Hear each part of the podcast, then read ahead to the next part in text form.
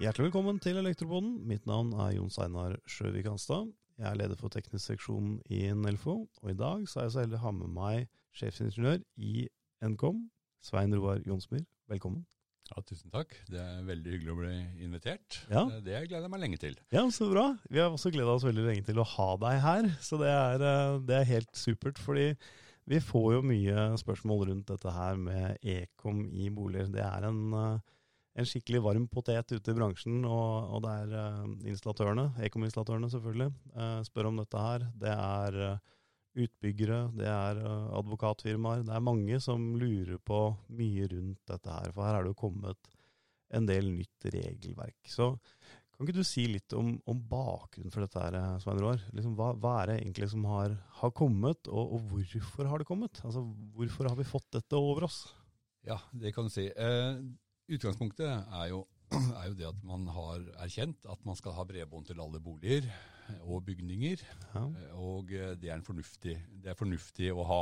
Eh, Og så ønsker man jo da selvfølgelig å sørge for at dette kommer ut på en såpass rimelig måte Ja. at eh, hver sluttbruker kan dra nytte av det. Ja. For det har en kostnad. Det har en kostnad med å bygge fiber, og bygge noder osv. Og, og prisen på dette her er, var et avgjørende eh, punkt for EU EU når de da etablerte dette EU-direktivet om bredbåndsutbygging, som, er, som bredbåndsutbyggingsloven danner grunnlag på. Ja. Og det er et direktiv som, eh, som eh, skal ivareta the last mile, som det kalles. Altså den siste delen av en utbygging, det er alltid den mest kostbare. Riktig. Og da tenker vi også helt inn i boliger, for det er også en kostbar del i forhold til det å etablere masse, masse fiber eh, Ja. i stamnettet. Riktig. Eh, og de mente da at det var penger å spare hvis man da kunne tilby disse føringsveiene til en rimelig pris, Mm. Tilby aksess, ikke Mm. sant? slik at det ikke var handelshindringer her, Mm. videre, slik at eh, folk fikk tilgang eh, til dette. Og da tenker man i utgangspunktet først fram til bygninger, men så må man jo utnytte dette her. Ikke sant? Og av, en av utfordringene som vi har i, i Norge, det er jo byggeskikk. Mm. Eh, og, og da kommer jo DBKs krav, teknisk forskrift, kommer jo inn. Mm. Og den gir oss en del begrensninger i en bolig i dag. Et, på grunn av de, de nye kravene som de kommer med. Ja, for da snakker vi om tetthetskrav, tjukke vegger og den type ting. Kanskje ikke lov å bore i veggene, Sant. det er passivhus, plusshus Ja. osv. Ja. Det fins forskjellige regler, og, og, og da kan man fort sette en bolig- og bygdeseier i klemma Mm. hvis ikke man har tenkt på dette på forhånd. Ja, Så dere legger til rette for senere implementasjon, som det så fint heter. At du lett Ja. kan legge opp seinere. Ja, og så kan man jo jeg kan dra analogien til DBKs uh, nye forskriftsendring i forbindelse med å legge til rette for elbillading. Ja, Det er jo på en måte det, noe av det samme. helt tenker jeg at uh, når du flytter inn i en bolig, så Mm. vil du ha mulighet for elbillading. Ja. De har ikke stilt spørsmål om du skal ha bil, Mm.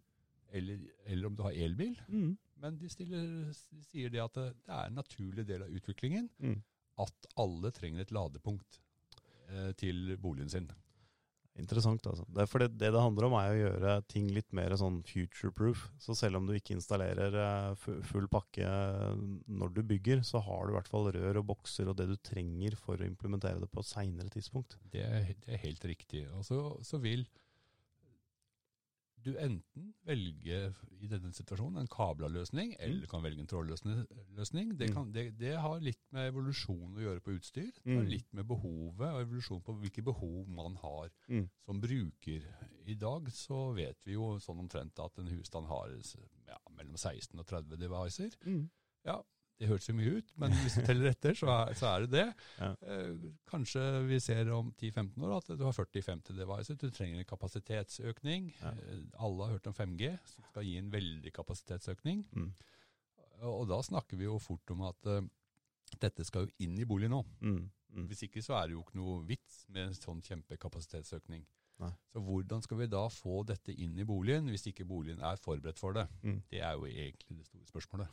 Ja, så hele, hele premisset her ligger i at man skal forberede boliger. Når man først bygger en bolig, så legger man infrastruktur, sånn at man kan, kan, kan ha boligen over tid uten å gjøre store inngrep på et senere tidspunkt. Ja, du er ofte blokkert. Du kan ikke, Ja. kanskje ikke gjøre inngrep i det hele tatt. Ikke sant? Jeg kjenner jo da til sånn plusshusprosjekt Mm. hvor, hvor det ikke var lagt opp eh, rør til Ekom til de forskjellige rommene. Mm. Du, du fikk heller ingen installatør til å legge opp dette i ettertid, for Nei. de ville jo ikke gjøre en jobb i dette plusshuset. Mm. For da vil de plutselig få kanskje en utfordring med Ja. plusshusets funksjon. da. Ja. Og dermed så ender da boligeier med å kjøpe en trådløs løsning Mm. eh, med dagens standard, Mm. som da fungerer Ja, jeg kan ikke si at den fungerer dårlig eller bra, men den, den fungerer jo. Det gjør det. Men da overlater du på en måte til boligeier å investere i slike produkter. Mm. Uh, og det er klart at en del av disse produktene vil kjøre høye hastigheter og høy kapasitet etter hvert, Mm. uh, til en kostnad. Ja. Selvfølgelig. Ikke sant? Men hvis, hvis vi da ser det, det er altså et EU-direktiv som er implementert i norsk lovverk gjennom en eh, lov, bredbåndsutbyggingsloven, Ja. og den peker på utbygger. Den peker på tiltakshaver. Tiltakshaver, som det står i plan- og bygningsloven, Riktig. populært kalt utbygger. Ja, det er et uttrykk. Ja. det, det, er liksom, jo, men, liksom, vi Ja. det er litt sånn kjært barn av mange navn, men det, Ja. det er som du sier, tiltakshaver er jo den korrekte termen i plan- og bygningsloven, ofte den som, som brukes. Og da er jo det gjerne den som gjør noe, altså et tiltak, tiltak i henhold til det er BK sitt regelverk, det er den, den bredbåndsutbyggingsloven retter seg mot. Det er deres deres ansvar for å sørge for at dette kommer på plass. Ja. Så er det jo litt spesielt, da, det skal jeg jo si, at eh, Nkom, Nasjonal kommunikasjonsmyndighet, har fått et pliktsubjekt som heter tiltakshaver, når vi egentlig ikke har et lovverk som omhandler tiltakshaver. Ja, sånn det. ja. Så, så vi, vi, vi kunne jo godt tenkt oss eh, at DBK hadde tatt denne ballen, Mm. Og så implementert krav til passive føringsveier i Mm. teknisk forskrift. Mm. For det er, det er det rom for, tenker jeg, hvis, hvis eh, man politisk vil. Eh, og hvis eh, DBK ønsker å gjøre det som forberedt for. Ja. Og der, det er der jeg kanskje tenker at det i utgangspunktet hadde hørt hjemme. Det er, det, er, det er en sånn eh, di- di- digresjon, men, men Ja. sånn, sånn, som det er, sånn som det er i dag, så er det, er det tiltakshaveren som liksom sitter med ansvaret for Ja. den passive føringsveien i, Det er riktig. i boligen. Det er riktig. Det er riktig. Og da, da må jo du som tiltakshaver nødvendigvis skaffe deg noen som kan gjøre den jobben. Ja. Og um, det er jo f.eks. en Ekom-installatør. Ja, det er vel strengt tatt en, en kompetent virksomhet som kan legge føringsveier i bolig. Ja. Eh, når vi snakker i dag, så tror jeg vi skal si det ganske tydelig. Vi snakker om rør Ja. og bokser. Fint. Eh, Ikke sant? For det, det Lovverket sier ikke tydelig De sier at rør er en mulig løsning. Ja. Men alt som kan fremføre bredbånd, er i henhold til lovverket mulig. Ja. Så man kan definere fotlist i boligen som en føringsvei. Men jeg har, jeg har lyst til å si det at uh, hvis skal boligen ha moderne uttrykk i dag, Ja. så er det skjult anlegg. Og Jeg, jeg tror det at vi får, for å gjøre dette her um, på en enkel og grei måte, så sier vi da at det er rør og bokser Ja. um, som, som er, er greia. Det Ja. er det vi legger opp i boliger i dag. Det er helt, det er Eh, helt klart. For det, jeg tenker også det å begynne å banke kabler på lister, du skal gjennom dører, gjennom vegger, altså det, det er egentlig en praktisk sett ganske dårlig løsning i de fleste tilfeller. Så hvis vi stilisert sier at det er, det er bokser og det er rør som skal legges med et minimum. Ja, det tror jeg det er, det er godt å ha som et utgangspunkt, tenker jeg. Og så er det da spørsmålet hvor mange bokser og rør skal man ha, Svein Roar? Ja. Hvor skal det gå? Nå er jo jeg myndighetsmannen, Ja. eh, og jeg gjør da det som en myndighetsperson skal gjøre. Jeg går i Ja. mitt lovverk og sier hva er kravene. Kravene i Ekom-forskriften paragraf 9-5, Mm. kvalitetskrav, sier at man skal bruke standarder eller relevante veiledninger osv. ikke sant? Og da, da ser vi da til de relevante standardene, eh, og eh, en av de relevante standardene i Norge, det er eh, NEC 700-serien. Ja. For det består av flere relevante standarder. Mm. Og sånn som vi ser det i dag, fra myndighetssiden, så er det ingen andre tilsvarende standarder. Nei. Nei. Det er det som gjelder. Eh, og så må vi da, nå tror jeg på tide å legge til, Mm. at jeg jeg er også leder av NK215, Ja. som utgir NEX 700, så jeg har på en måte en standardiseringshatt også Ja. jeg, når jeg snakker her nå. Så jeg skal ikke, ikke tillegge myndigheten til å si noe om standardene, Nei. for det er utafor myndighetsområdet. Ja. Det er på en måte, som, som leder av NK215, så er jeg egentlig en privatperson. Du er ekspert, Svein. Eh, ja. Tusen, tusen takk, Jon Steinar. Du eh, sitter jo i komiteen, så Ja, det er, eh, jeg er veldig glad for at det er du som leder komiteen. Det, du gjør en, gjør en god jobb der, men, men det du sier der er viktig, fordi at vi sitter der som oppnevnte eksperter i en komité, og ikke, ikke på vegne av, av, av der vi jobber, faktisk. Det er, det er en forskjell på de, ja. ja. de tingene der. Men, men det er for så vidt, eh, for så vidt en, en, en nyanse. Men det du sa nå, det var det at bredbåndsutbyggingsloven eh, peker på deres regelverk, som igjen peker på at man skal ha en referanse til en standard. Og i Norge så er den standarden NRK 700-serien. Det er helt riktig. Ja, er helt riktig. da, har vi altså, da har vi altså den pekeren som går direkte tilbake igjen til NEX 700-serien med antall uttak. For det er jo definert der. Antall uttak per kvadratmeter. Ja. Mm. Altså, hvis man ser da det store bildet, så har man to, to, en lov som heter bredbåndsutbyggingsloven. Så har vi ekomloven. Mm. Disse peker litt på hverandre. Mm. Uh, og tiltakshaver er da pliktsubjektet til å lage passive føringsveier. Mm. Så da må, vi, da må vi tenke oss da en bolig fra, fra husveggen. Fram til husveggen så er Mm. det på en måte regulert i andre eh, lover og forskrifter og veiledninger. Mm. Så får vi, møter vi da dette tilknytningspunktet, NEC 399, Mm. tilknytningsskapet. Og fra det tilknytningsskapet så vil da dette, dette kravet til tiltakshaver gjelde. Ja. Så hvis du da ser, leser i NEC 399, så mm. ser du at det, skal, det er krav til passive føringsveier fra NEC 399 tilknytningsskapet til ekomplassen Ja. i boligen. Primær distribusjonsplass. Riktig. Primær distribusjonsplass, ja. Mm. Eh, og der, hvis den da følger 399, så har man jo egentlig lagt føringsveiene. Ja. Det, går- det går på automatikk. Mm. Ja, og da er man godt i gang. Så vil jo da det neste spørsmålet være hvor mange punkter, hvor skal man da levere uh, disse passive føringsveiene? Mm. Fra distribusjonsplassen, Mm. eller P-boffen da, som vi sier på godt norsk, eller ekomskap, som noen sier. Vi kan prate litt om skap etterpå. Ja. Men uh, da har jo komiteen, og da tar jeg på meg NRK-hatten, Mm. så har vi da definert at vi skal levere passive føringsveier til de rommene som det er normalt å oppholde seg i. Ja. Boligrom. Ja. Altså ikke, vi snakker ikke om boder, vi snakker ikke oppganger eller loft osv. Vi snakker Mm. da om egentlig tre primærrom, Mm. som da er stue, kjøkken og soverom. Ja, Ikke sant? Og Det er samme definisjon som, som TEK 17 har. Ja. Så det, det tror jeg vi støtter oss ganske godt på, da. Ja. Så, så er jo da disse, disse rommene som da, som da tiltakshaver skal eh, utføre, eller ut, bygge ut passivføringsveier, altså rørføringer til disse rommene. Så er jo da neste spørsmål blir jo da hvor mange punkter skal man ha? Ja. Ja, Sant. men da, da har vi jo allerede satt at det skal være punkter i disse tre rommene. Ja. Det sier vi. Og så har vi i komiteen eh, definert eh, et uttrykk som heter større rom, som står i standarden. Det er jo litt uklart, men vi sier at eh, kort fortalt, har du et soverom på 10-11, altså du overstiger 10 kvadratmeter, som Mm. er et minstekrav, det skal være ett punkt per 10 kvadratmeter. Hvis du kommer opp i 11-12, så sier vi at soverom er ikke å betegne som et normalt større rom. Nei. Og da kan vi klare oss med ett punkt. ja, ikke sant? Ja. Så, så, og så sier man hvorfor skal vi ha det på soverommet? I dag har jo trenden blitt at eh, en del soverom er hjemmekontor. Ja. Det er ikke til å legge skjul på.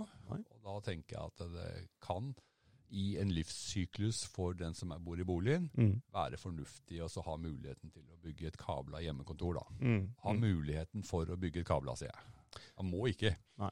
For nå er vi fortsatt på den passive infrastrukturen med antall punkter i henhold til NEX 700-serien. Ja. Uh, og NEX 700-serien det er jo en internasjonal standard som er oversatt og satt sammen til en normserie som består av flere delnormer i, i Norge, under eh, stødig ledelse av, eh, av deg, Svein Roar. Ja. Eh, men poenget med å nevne at det er en internasjonal serie, er at eh, jeg tror det er viktig at man får med seg at dette er ikke noe normkomiteen har funnet på i Norge. Dette er internasjonale krav med tanke på antall uttak per kvadratmeter. Ja. Fordi jeg tror veldig mange tenker på 823, på bolignormen, med en gang man, eh, man så dette kravet, som kom i NEC 700-serien. Og 823 er jo en, en nasjonalt delkapittel i, i NEC 400, som også er basert på en internasjonal standard.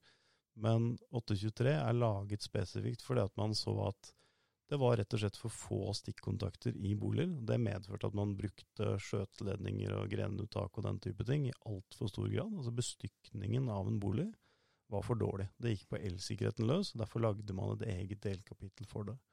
Det det er snakk om i NEC 700-serien, er jo et internasjonalt, eh, internasjonalt krav med antall uttak per, eh, per kvadratmeter. Ja, og det er helt riktig, for vi forholder oss da i utgangspunktet til Senelec, altså den mm. europeiske standardiseringsorganisasjonen. Mm.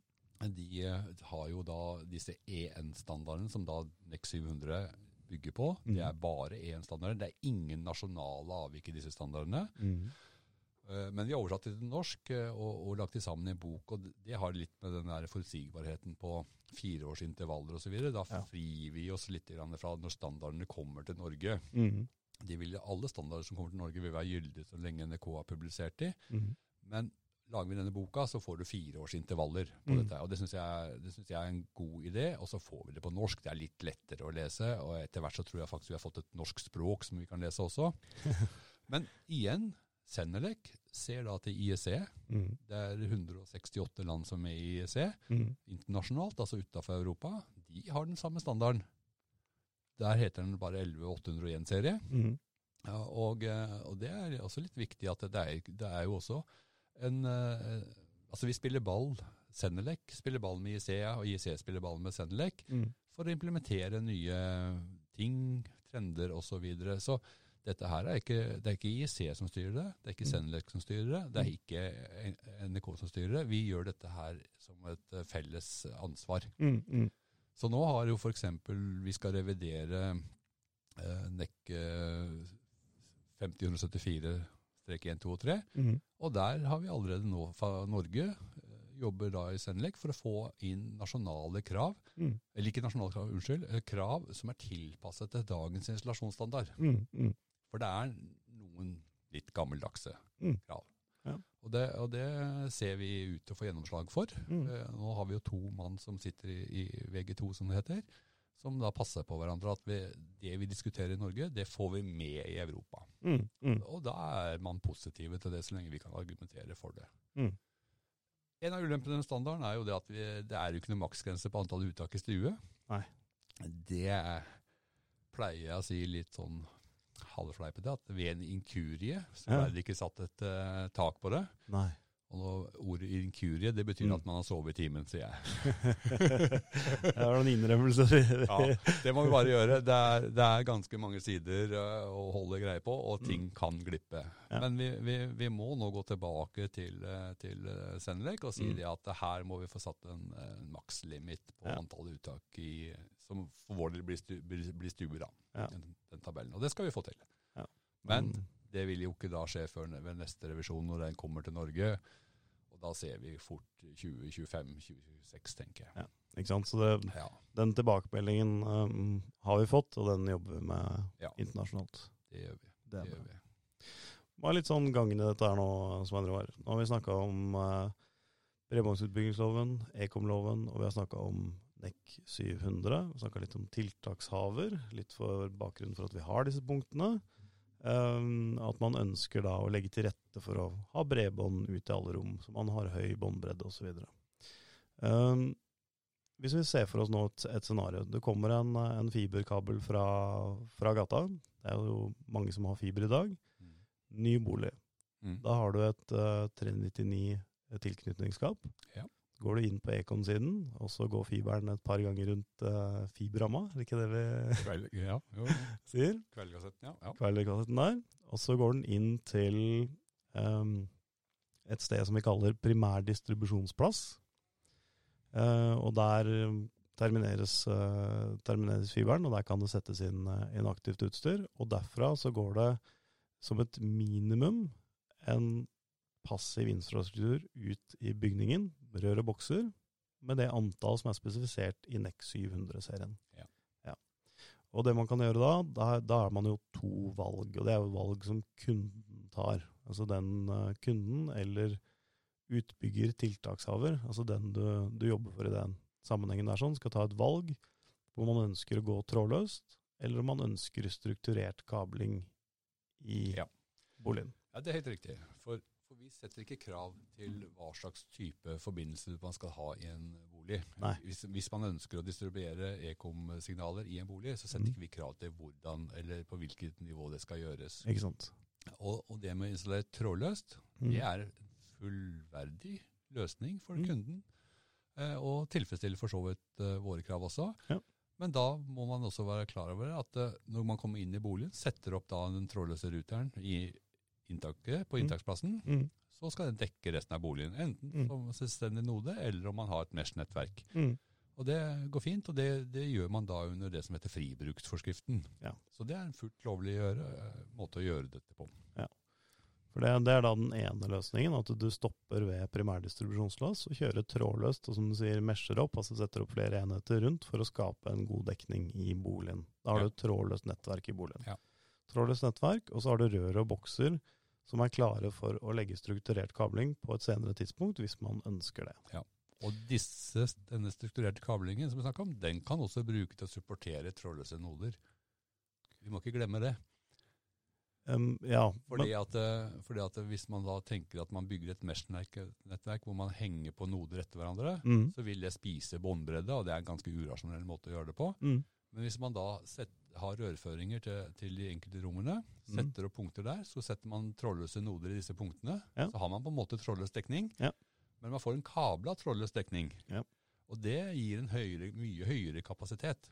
Ja, og da, og da er du inne på at du på, på en løsning hvor du har valgt å legge strukturert kabling i boligen. Sånn at hvis vi ser på de to veivalgene, hvis du kjører ren trådløs løsning, så har du altså tomrør og bokser trådløst. Eller så kan du velge å legge um, og koble opp den, den strukturerte kablingen. Mm. Og da har vi jo dette store liksom springende, springende punktet her i forhold til om du kan ta én, to, tre, eller om du må koble alle hvis du setter opp ja. ett punkt. Det er, liksom den, det er en sånn kjernesak her. Men ja. bare sånn til det du sier i forhold til backbone på, på, på trådløse mesh-rutere. Det er jo en, det er en løsning jeg kjører sjøl. Eh, jeg syns det fungerer veldig godt. Altså at man har kabla til de punktene hvor man trenger høy, stabil båndbredde hele tiden. Og så at man har en skikkelig backbone på, på mesh. Det er en sånn type løsning som, som jeg syns er veldig fleksibel og fin i egen bolig. Men da er du inne på at da begynner du å, å koble. Og da er dette med antall, antall punkter. Dette har, du, dette har, du, fått mange spørsmål om, og det har jeg fått mange spørsmål om òg. Så jeg tenker at dette, dette må, vi, må, vi, må, vi, diskutere. Først av alt, hvis vi ser bort fra at vi skal levere noe fra en tjenesteleverandør som Altibox, uh, Viken Fiber eller Telenor osv. Mm. Hvis vi starter da med når du først har en, eh, boligen forberedt for ekomkabling, mm basis. Kunden bare sier at 'jeg skal ha de kabla'. man sier ikke at man har noen tjenesteleverandør eller noen ting. Ja. Så, så, skal du, man da i, gå sammen med kunden, og så skal man strekke kabler disse føringsveiene. Disse føringsveiene må jo da tilfredsstille antall punkter som standarden krever. Mm. Uh, og uh, da er jo installatøren eh, forplikta til å bruke standarder, og i 50-174-standarden, altså planlegging av installasjonen, mm så er det et, et sånn planleggingsdokument i første kapittel fire. Mm. Hvis man går gjennom det med kunden, så avklarer man jo det kundemessige forholdet der. Mm. Så, så, det å ta den avklaringa før man går i gang, mm. er veldig viktig. For der står det nemlig det at du skal avslutte installasjonen. Ja. Avtale avslutning av installasjonen. Mm. Og det betyr at uh, hvis du da strekker én kabel, så er du i prinsippet pliktig til å avtale med kunden når du skal avslutte den installasjonen. Mm. Normalt sett så gjør man jo alt på en gang, men du kan komme i en knipe som vi skal snakke litt mer om. Ja. Men, men, eh, det viktigste er egentlig at man ser som installatør nytten av å bruke det kapittel fire, mm. første kapittelet i 574, mm. Eh, og, og tilpasser, tenker jeg, den spesifikasjonen av installasjonen til sine standardinstallasjoner. Mm. Så veldig mange installatører går kanskje på litt sånn standardløsninger, standardinstallasjoner. Mm. Og da ser man hvilke punkter som er meget relevante for, eh, for å avklare forholdet eh, til kunden i forhold til hva man skal gjøre. Ja, så det, det blir en sånn av, avtalesak der ikke sant, i forhold til, i, i forhold til planlegginga. Men det er sånn at ja.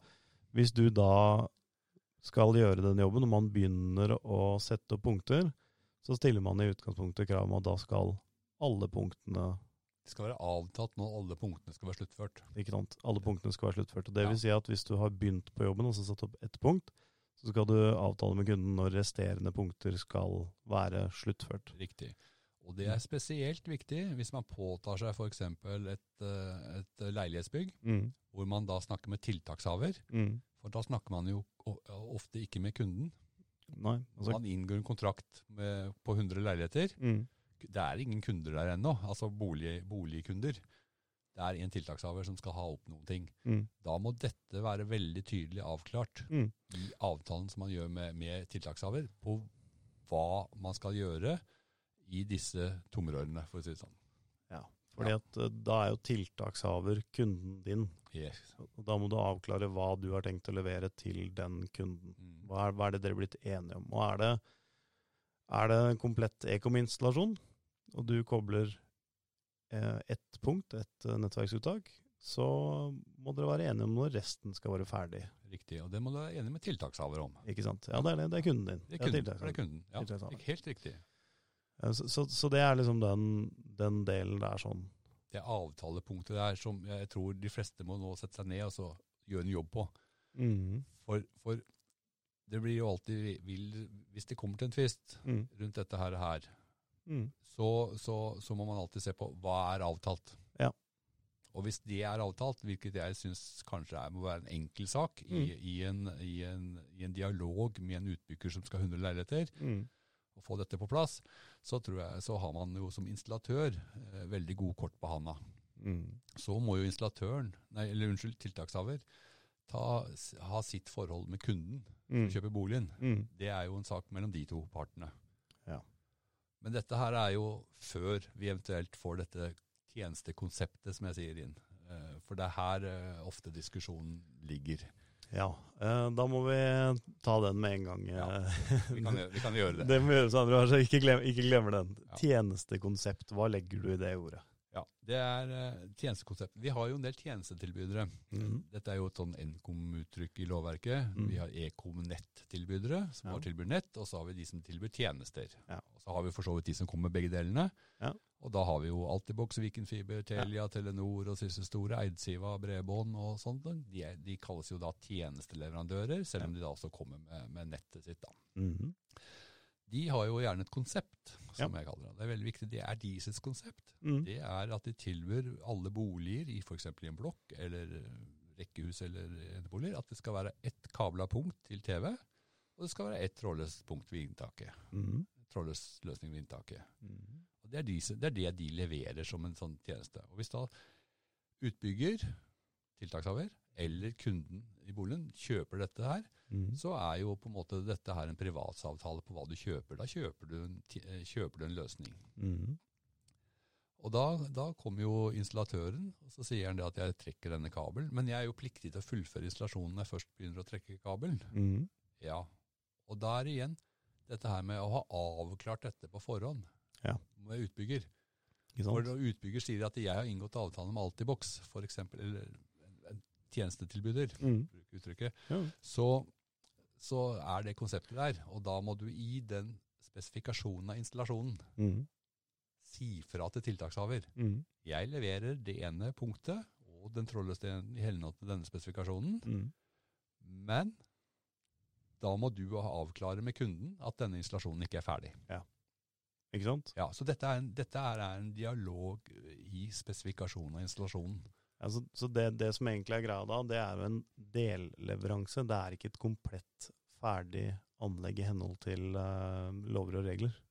Det, det er for så vidt helt, helt riktig. Riktig. For, Helt riktig. Fordi at da som, som Ekom-installatør så får du, tar du på deg en jobb om å installere et tjenestetilbud, eh, som, som er da ett punkt bak en TV f.eks., Ja. Eh, med et sånt allment uttak der. Altså rett og slett en, eh, en RJ45 med en kategorikabel til primærdistribusjonsplass. Det er det du skal installere. Og da avtaler du det med utbygger, at det er dette jeg leverer. Mm. Og da er det viktig å gjøre oppmerksom på at installasjonen er ikke ferdig. Ekom-installasjonen er ikke ferdig. Det, det påhviler et krav om å, å, å, å fullføre den på, på et senere tidspunkt. eh, Med kabler og uttak på alle de andre punktene i Ja. boligen. Men, Ja. men det er dette her jeg leverer til deg. Ja. Og da ligger jo ansvaret fortsatt hos utbygger. Så det vi har snakket om nå hele veien, det gjelder fortsatt. Det er bare det at man, man eh, Noen gjør én del av installasjonen, mens andre gjør andre deler av installasjonen. Og hvis kunden får et tilsyn fra Nkom, og det ligger et tjenestekonsept med én kabel fra primærdistribusjonsplass til bak TV-en, og de andre punktene ikke er kablet, så vil det være et avvik. Er det riktig forstått? Ja det, ja, det vil jo være et avvik. Og så, så fremt det ikke foreligger en avtale på når isolasjonen skal avsluttes. Ja. For da vil jo vi gå og så be eh, den som solgte boligen, Ja. eller vi vil gå til kunden, da, eller boligeier, Mhm. så vi spør om hva slags avtale har du nå Ja. på når installasjonen skal avsluttes. Mhm. Og hvis den ikke har noe, Mhm. Så er det, så er det et avvik. Ja. Hvis han har en avtale på at den skal avsluttes uh, på bestilling av kunden, at han skal utføre det osv., så, videre, Mhm. så vil vi se på boligeieren og så se når, skal, når har tenkt å gjøre det. Ja. Og så er, må han komme opp med en plausibel forklaring da. Ja. Men som dere sikkert skjønner da, i denne situasjonen, mm. så kan jo fort dette ende opp på neste bolig jeg kjøper. Ja. Og så, videre. så det å ha dette dokumentert fra dag én Ja. i, på leiligheten eller Ja. Det er uhyre viktig, altså.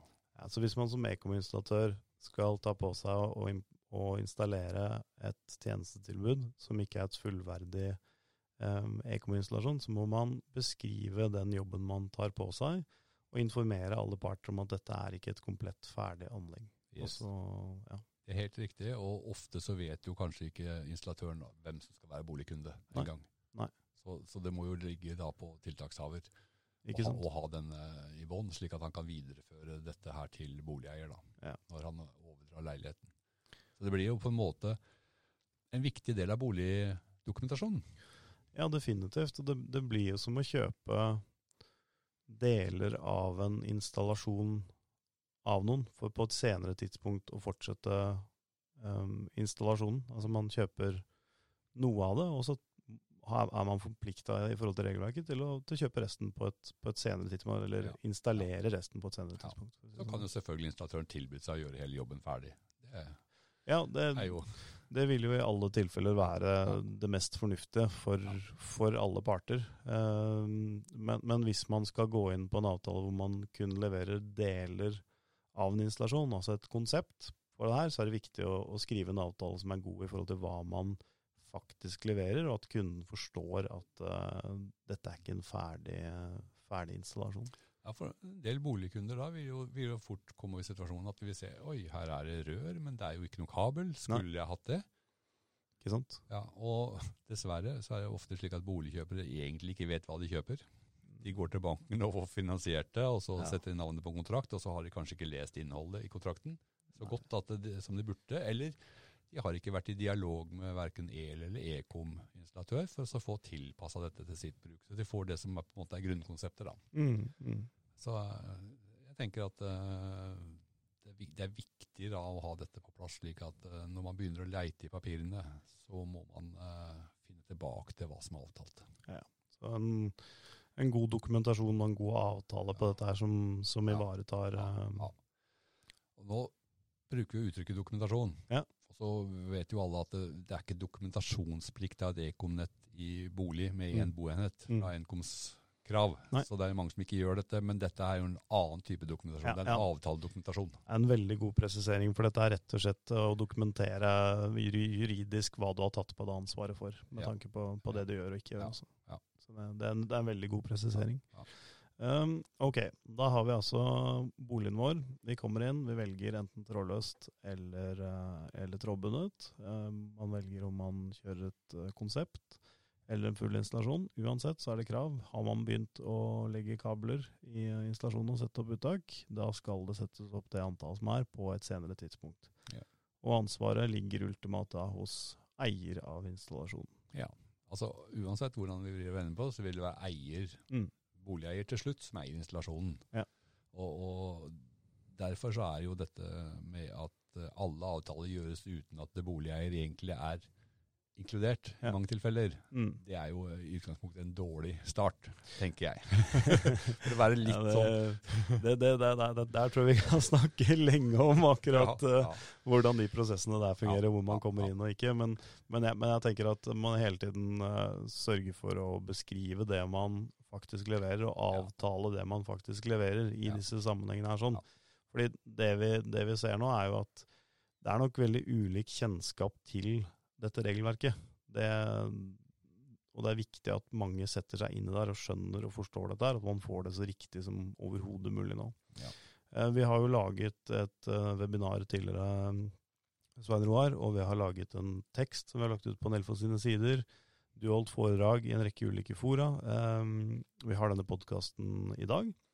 Og videre så kommer vi til å oppdatere den teksten vi har på, på nettsidene um, angående dette med antall ekomuttak eh, i boliger. Um, og så kommer vi til å kalle inn til et eh, webinar hvor, vi kan, hvor det blir åpent for å stille spørsmål, rett og slett. For det er så mye spørsmål, og det, da gir vi eh, fritt, fritt ord ut til de som ønsker å, å, å komme inn på det webinaret. Vi sender ut det til alle medlemsbedrifter, og så, og så stiller vi oss uh, laglig til for, uh, for spørsmål. Så har jeg, jeg har bare lyst til å legge inn en liten ting også. Ja. Det er det at den eh, dokumentasjonen som ligger på Nelfos sider, Mm. den blir veldig mye brukt. Ja. Den får jeg ofte kopi av, spesielt også av prosjekterende. Uh. Og så er det jo i det neste lovforslaget til ekomlov og ekomforskrift eh, foreslått å ta inn prosjekterende som et pliktobjekt. Ja. Sånn at eh, det blir både eier og prosjekterende og installatør som er pliktobjekter i lovverket. Da. Ja. Så da blir det på en måte likt som, som man har fra DSBs side. Da. Ja, og Det er noe, noe vi har eh, stilt oss veldig positive til, at man faktisk eh, ansvarliggjør prosjekterende på, Ja. på Ekom-siden. For prosjekteringen er jo kjempeviktig. At det er riktig planlagt og, og, og riktig dimensjonert og prosjektert. Er Ja, og da tenker jeg også det vil fri en del installatører fra den dialogdiskusjonen mm. eh, som, som, som kanskje kan være litt vanskelig i, mange situasjoner. Da. Jeg tror du har helt rett. i. Et par ting på slutten her, Spenroar. Roar. Det er farlig å si at det blir slutten, for det kan godt hende at det tar litt tid der. Men, eh, men, men eh, hytter. I Ifølge bredbåndsutbyggingsloven så er det gjort et unntak for fritidsboliger. Ja. Det var jo et unntak som jeg og min kollega har ønska å ta vekk, Ja. eh, men departementet beholdt. Eh, Dessverre, sier jeg, for eh, nye hytter i dag, vi snakker jo om nye hytter, Ja. har jo ofte en standard som kanskje er høyere enn den boligen man bor i. Ja, det er mye flott Og den er, den er kanskje større òg, for den saks skyld. Så, så det er, men det er ikke noe krav til passive føringsveier eh, i hytter. Nei. Men utover det så er hytte en bolig, Ja. eh, og skal gjøre, utføres som en bolig. Ja, Ikke sant. Så, så fritidsboliger er i utgangspunktet unntatt, men det er smart å følge reglene for de. Ja, Du vil risikere å komme til en eh, fritidsbolig da, hvor du skal Ja. legge opp et kabla trådløsnett. Det er ingen føringsveier der, Nei. for det er ikke noe krav. Og så sitter du litt eh, vanskelig til, da, for å si det sånn. Ikke sant. Ja. Rehabilitering.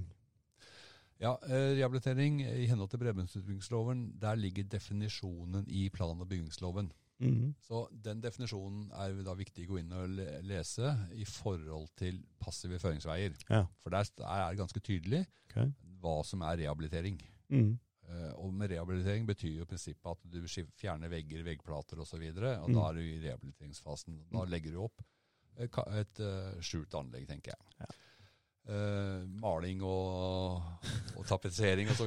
kalles ikke rehabilitering eh, på det nivået. Men, men definisjonen er ganske klar i plan- og bygningsloven. Nå kan ikke jeg akkurat ta den på sparket, men den ligger der som en definisjon. Ja. Og, da, og, det, og det er da det er der du må kikke i forhold til passive føringsveier. Ja.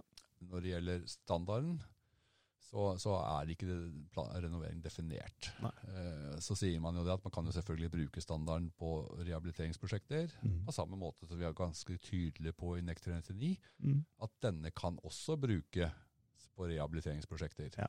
Men, men den betinger jo igjen at partene er enige om å gjøre det. Ja. Ikke sant? Men altså, plan- og bygningsloven, det er der det slår inn når det er en rehabilitering eller ikke. Riktig. Riktig, riktig. Så alt det som er lovverk og standard og sånt, og det er jo egentlig tar utgangspunkt i nye bygg og boliger. Da, for å si det. Ikke sant. Og så får jeg eh, en del spørsmål eh, rundt dette her med hva hvis kunden gjør noe selv? Altså Hvis kunden begynner å trekke kabler selv og, og gjøre en del ting rundt dette her. Kunden har jo ikke i henhold til lovverket tillatelse til å kable og konnektere ekomkabler. Eh, sånn, som, sånn som lovverket er utforma i dag. Mm. Det eneste som en vanlig boligeier kan gjøre, det er å gå og kjøpe ferdig konnekterte kabler og uh, utstyr som, som du lett kan etablere selv, da, for å si det sånn. Som er ment for privatpersoner, eller sånn. Ja, det er ment for personer uten særlig faglig kunnskap, som det står. Ja, Ikke sant? Ja. Ja, det, og det som, er, det som er viktig med slike ting, at eh, du skal ha en kapasitet, du skal ha, du skal ha overføre et frekvensbånd Mm. eh, på en RJ 45. Mm. En RJ 55 er i utgangspunktet en dårlig løsning, men som vi aldri, aldri kommer til å bli kvitt. uh, og, og da kreves det høy kompetanse. Det ser jo vi også av, av kvalitetsmålinger som vi gjør på forbindelser, at Mm. det er jo i koblingspunktet som, som det svikter. Eh, Hvis det svikter. sånn. Ja, det er, det er greit å ha med seg. Det er greit å ha med, og det er naturlig. Det er jo Stort sett er det sviktig. Det er et svakt punkt. Ja, ja. Men tilsyn. Tilsyn, ja. ja. Jo, eh, vi, har jo, vi har jo en begrensa kapasitet på tilsyn. Eh, I 2023 så har vi to lag av to personer Mm. som skal utføre 30 tilsyn. Mm. Det, det er ikke så, så mye. Men det vi kommer til å gjøre i år, det er at vi kommer til å fokusere på en del bolig- og boligprosjekter. Ja. Eh, og, og det har vi for så vidt starta med et par testpiloter i fjor, fjor høst, mm. som, eh, som nok fikk eh, dette med avtaler og avtaler, altså fikk en utfordring med avtaler og avtaleverk. da. Hvem, Mm. hvem har bestemt hva, hvem har avtalt hva? Ja. Eh, Da så vi jo ganske tydelig at avtaleforholdene mellom utførende og eh, tiltakshaver eller utbygger Mm. og kjøper var kanskje ikke sånn som det skulle være da. Nei. Nå har ikke vi noe hjemmel til å hente inn og se på disse avtalene, Nei. men vi fikk avtalene sånn bare for for, for å få informasjon om liksom, hva gjør man. Mm. Så kan vi jo råde og veilede, Mm. eh, og det vil jo også kontroller nå i 2023, som i hvert fall halvparten kommer til å gå på bolig- og boligprosjekter, Mm. de, de vil jo da også ha et stort innslag av veiledning, Ja. tenker jeg.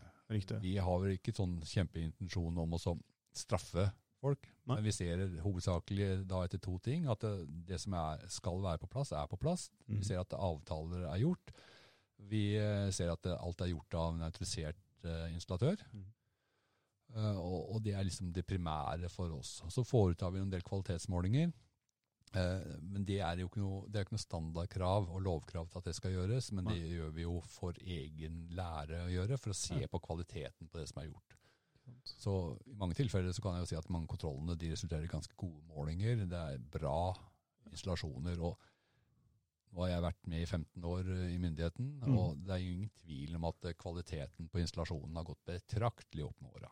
Så bra. Så, så jeg pleier å skryte av installatørene. Jeg syns de gjør en kjempegod jobb. Veldig bra. Men jeg ser jo, jeg ser jo at i dialogfasen med, med, med utbygger osv. at det kommer i, i klemme. Mm. Men det går jo på det avtalemessige og hva som skal leveres. Men når det kommer til utførsel, Mm. så har ikke vi noe grunnlag til å si at det leveres dårlig anlegg. Nei, men det, det, det, er veldig det er veldig hyggelig å høre. Det er gledelig å høre at det gjøres en god jobb der ute. Og så, og så må vi fokusere da på de juridiske begrensningene og avtaleretten oppi Ja. dette her. For det er der det på en måte kan potensielt skjære, skjære ut. da. Ja da. Så er det, det er litt sånn ta tak i ta tak i standarden, se litt om hva som står der. Mm. Jeg får en del spørsmål som helt klart tyder på at man ikke har lest standard, for å si det sånn. Altså, Ja. og, og, og, og, og gjøre en liten jobb der. For jeg tenker at veldig mange gjør standardjobber. Mm. Da er det deler av standarden som er veldig relevante. Så bruker vi fem minutter på det internt. Mm. Eh, kopiere og dokumentere hva man skal eh, ha i bakhodet når man holder på med det. Mm. Det vil være langt stykke på vei til å gjøre det en god installasjon. Det er et godt, uh, godt poeng. En siste ting. Primær distribusjonsplass. Jeg nevnte det i stad. Ja. Vi legger rør fra tilknytningsskapet til primær distribusjonsplass, og så legger vi strukturert kabling derfra ut. Og hva er en primær distribusjonsplass? Ja. Eh, Hvis man går til standarden, så står det at dette er en plass. Ja. En plass, det er et felt på en vegg. Mm. Og da må man se for seg det at man måler opp et felt som f.eks. er 59 ganger 59, som, som er eh, den minste plassen du kan ha. Mm. Uh, og så sier man at uh, her er distribusjonsplassen. Ja. Det er så langt standarden kan gå. Ja. Så er det slik.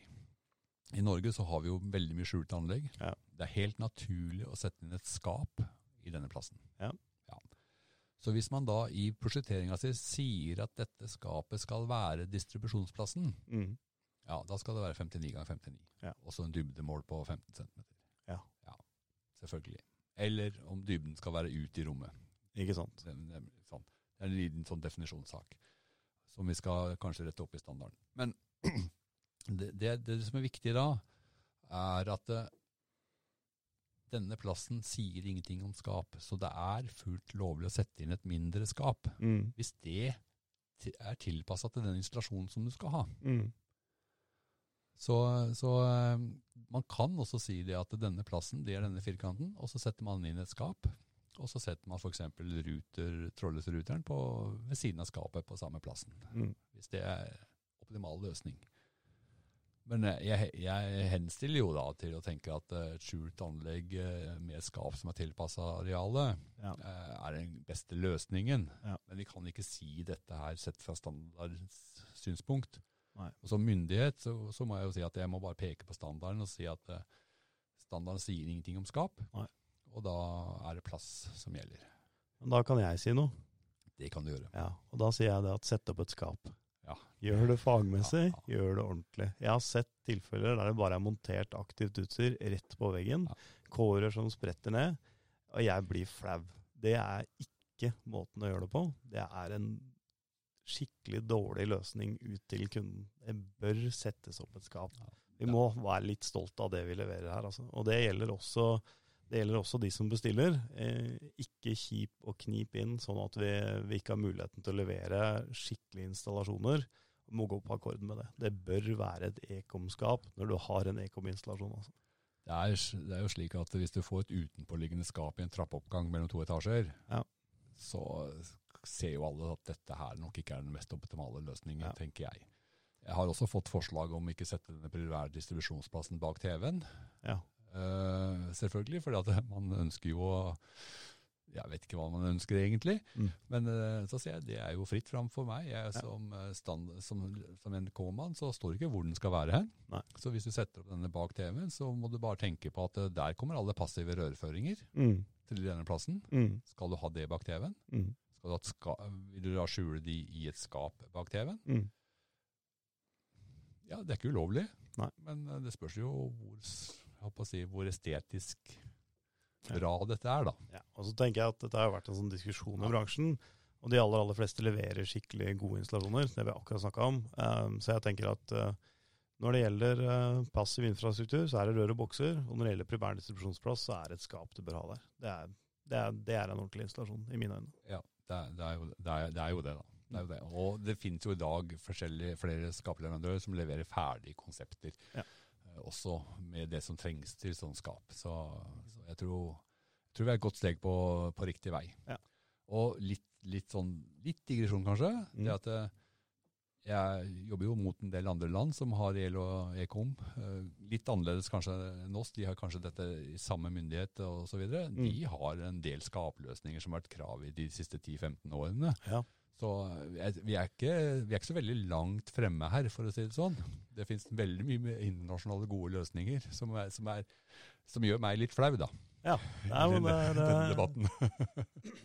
det er godt å høre at vi har litt å lære, lære av andre land også. Ja. på mange områder. For ofte så er det sånn at når vi skal vise fram noe at sånn gjør det de andre land, så tar vi bilde av sånne kråkereir med, noe, med noen ledninger som henger en eller annen plass, og ser hvor fælt de har det her. Men eh, de gjør en del bra ting i utlandet òg, tror jeg. Ja, de har, de har ganske mange smarte, fine, gode løsninger. De har, de har det. Ja, det er bra. Det er bra. Ja, med det så tror jeg vi sier eh, takk for i dag. Tusen takk for at du stilte opp, uh, Svein Roar. Det var eh, kjempehyggelig. Jeg er veldig glad for å være her, og håper at det kan ha vært, ha vært til nytte. Det håper vi. Og eh, det får vi se på antall spørsmål vi får på webinaret, tror du ikke? Ja. Det, det hadde vært fint. Det hadde vært veldig hyggelig. Det er veldig bra. Tusen takk for i dag.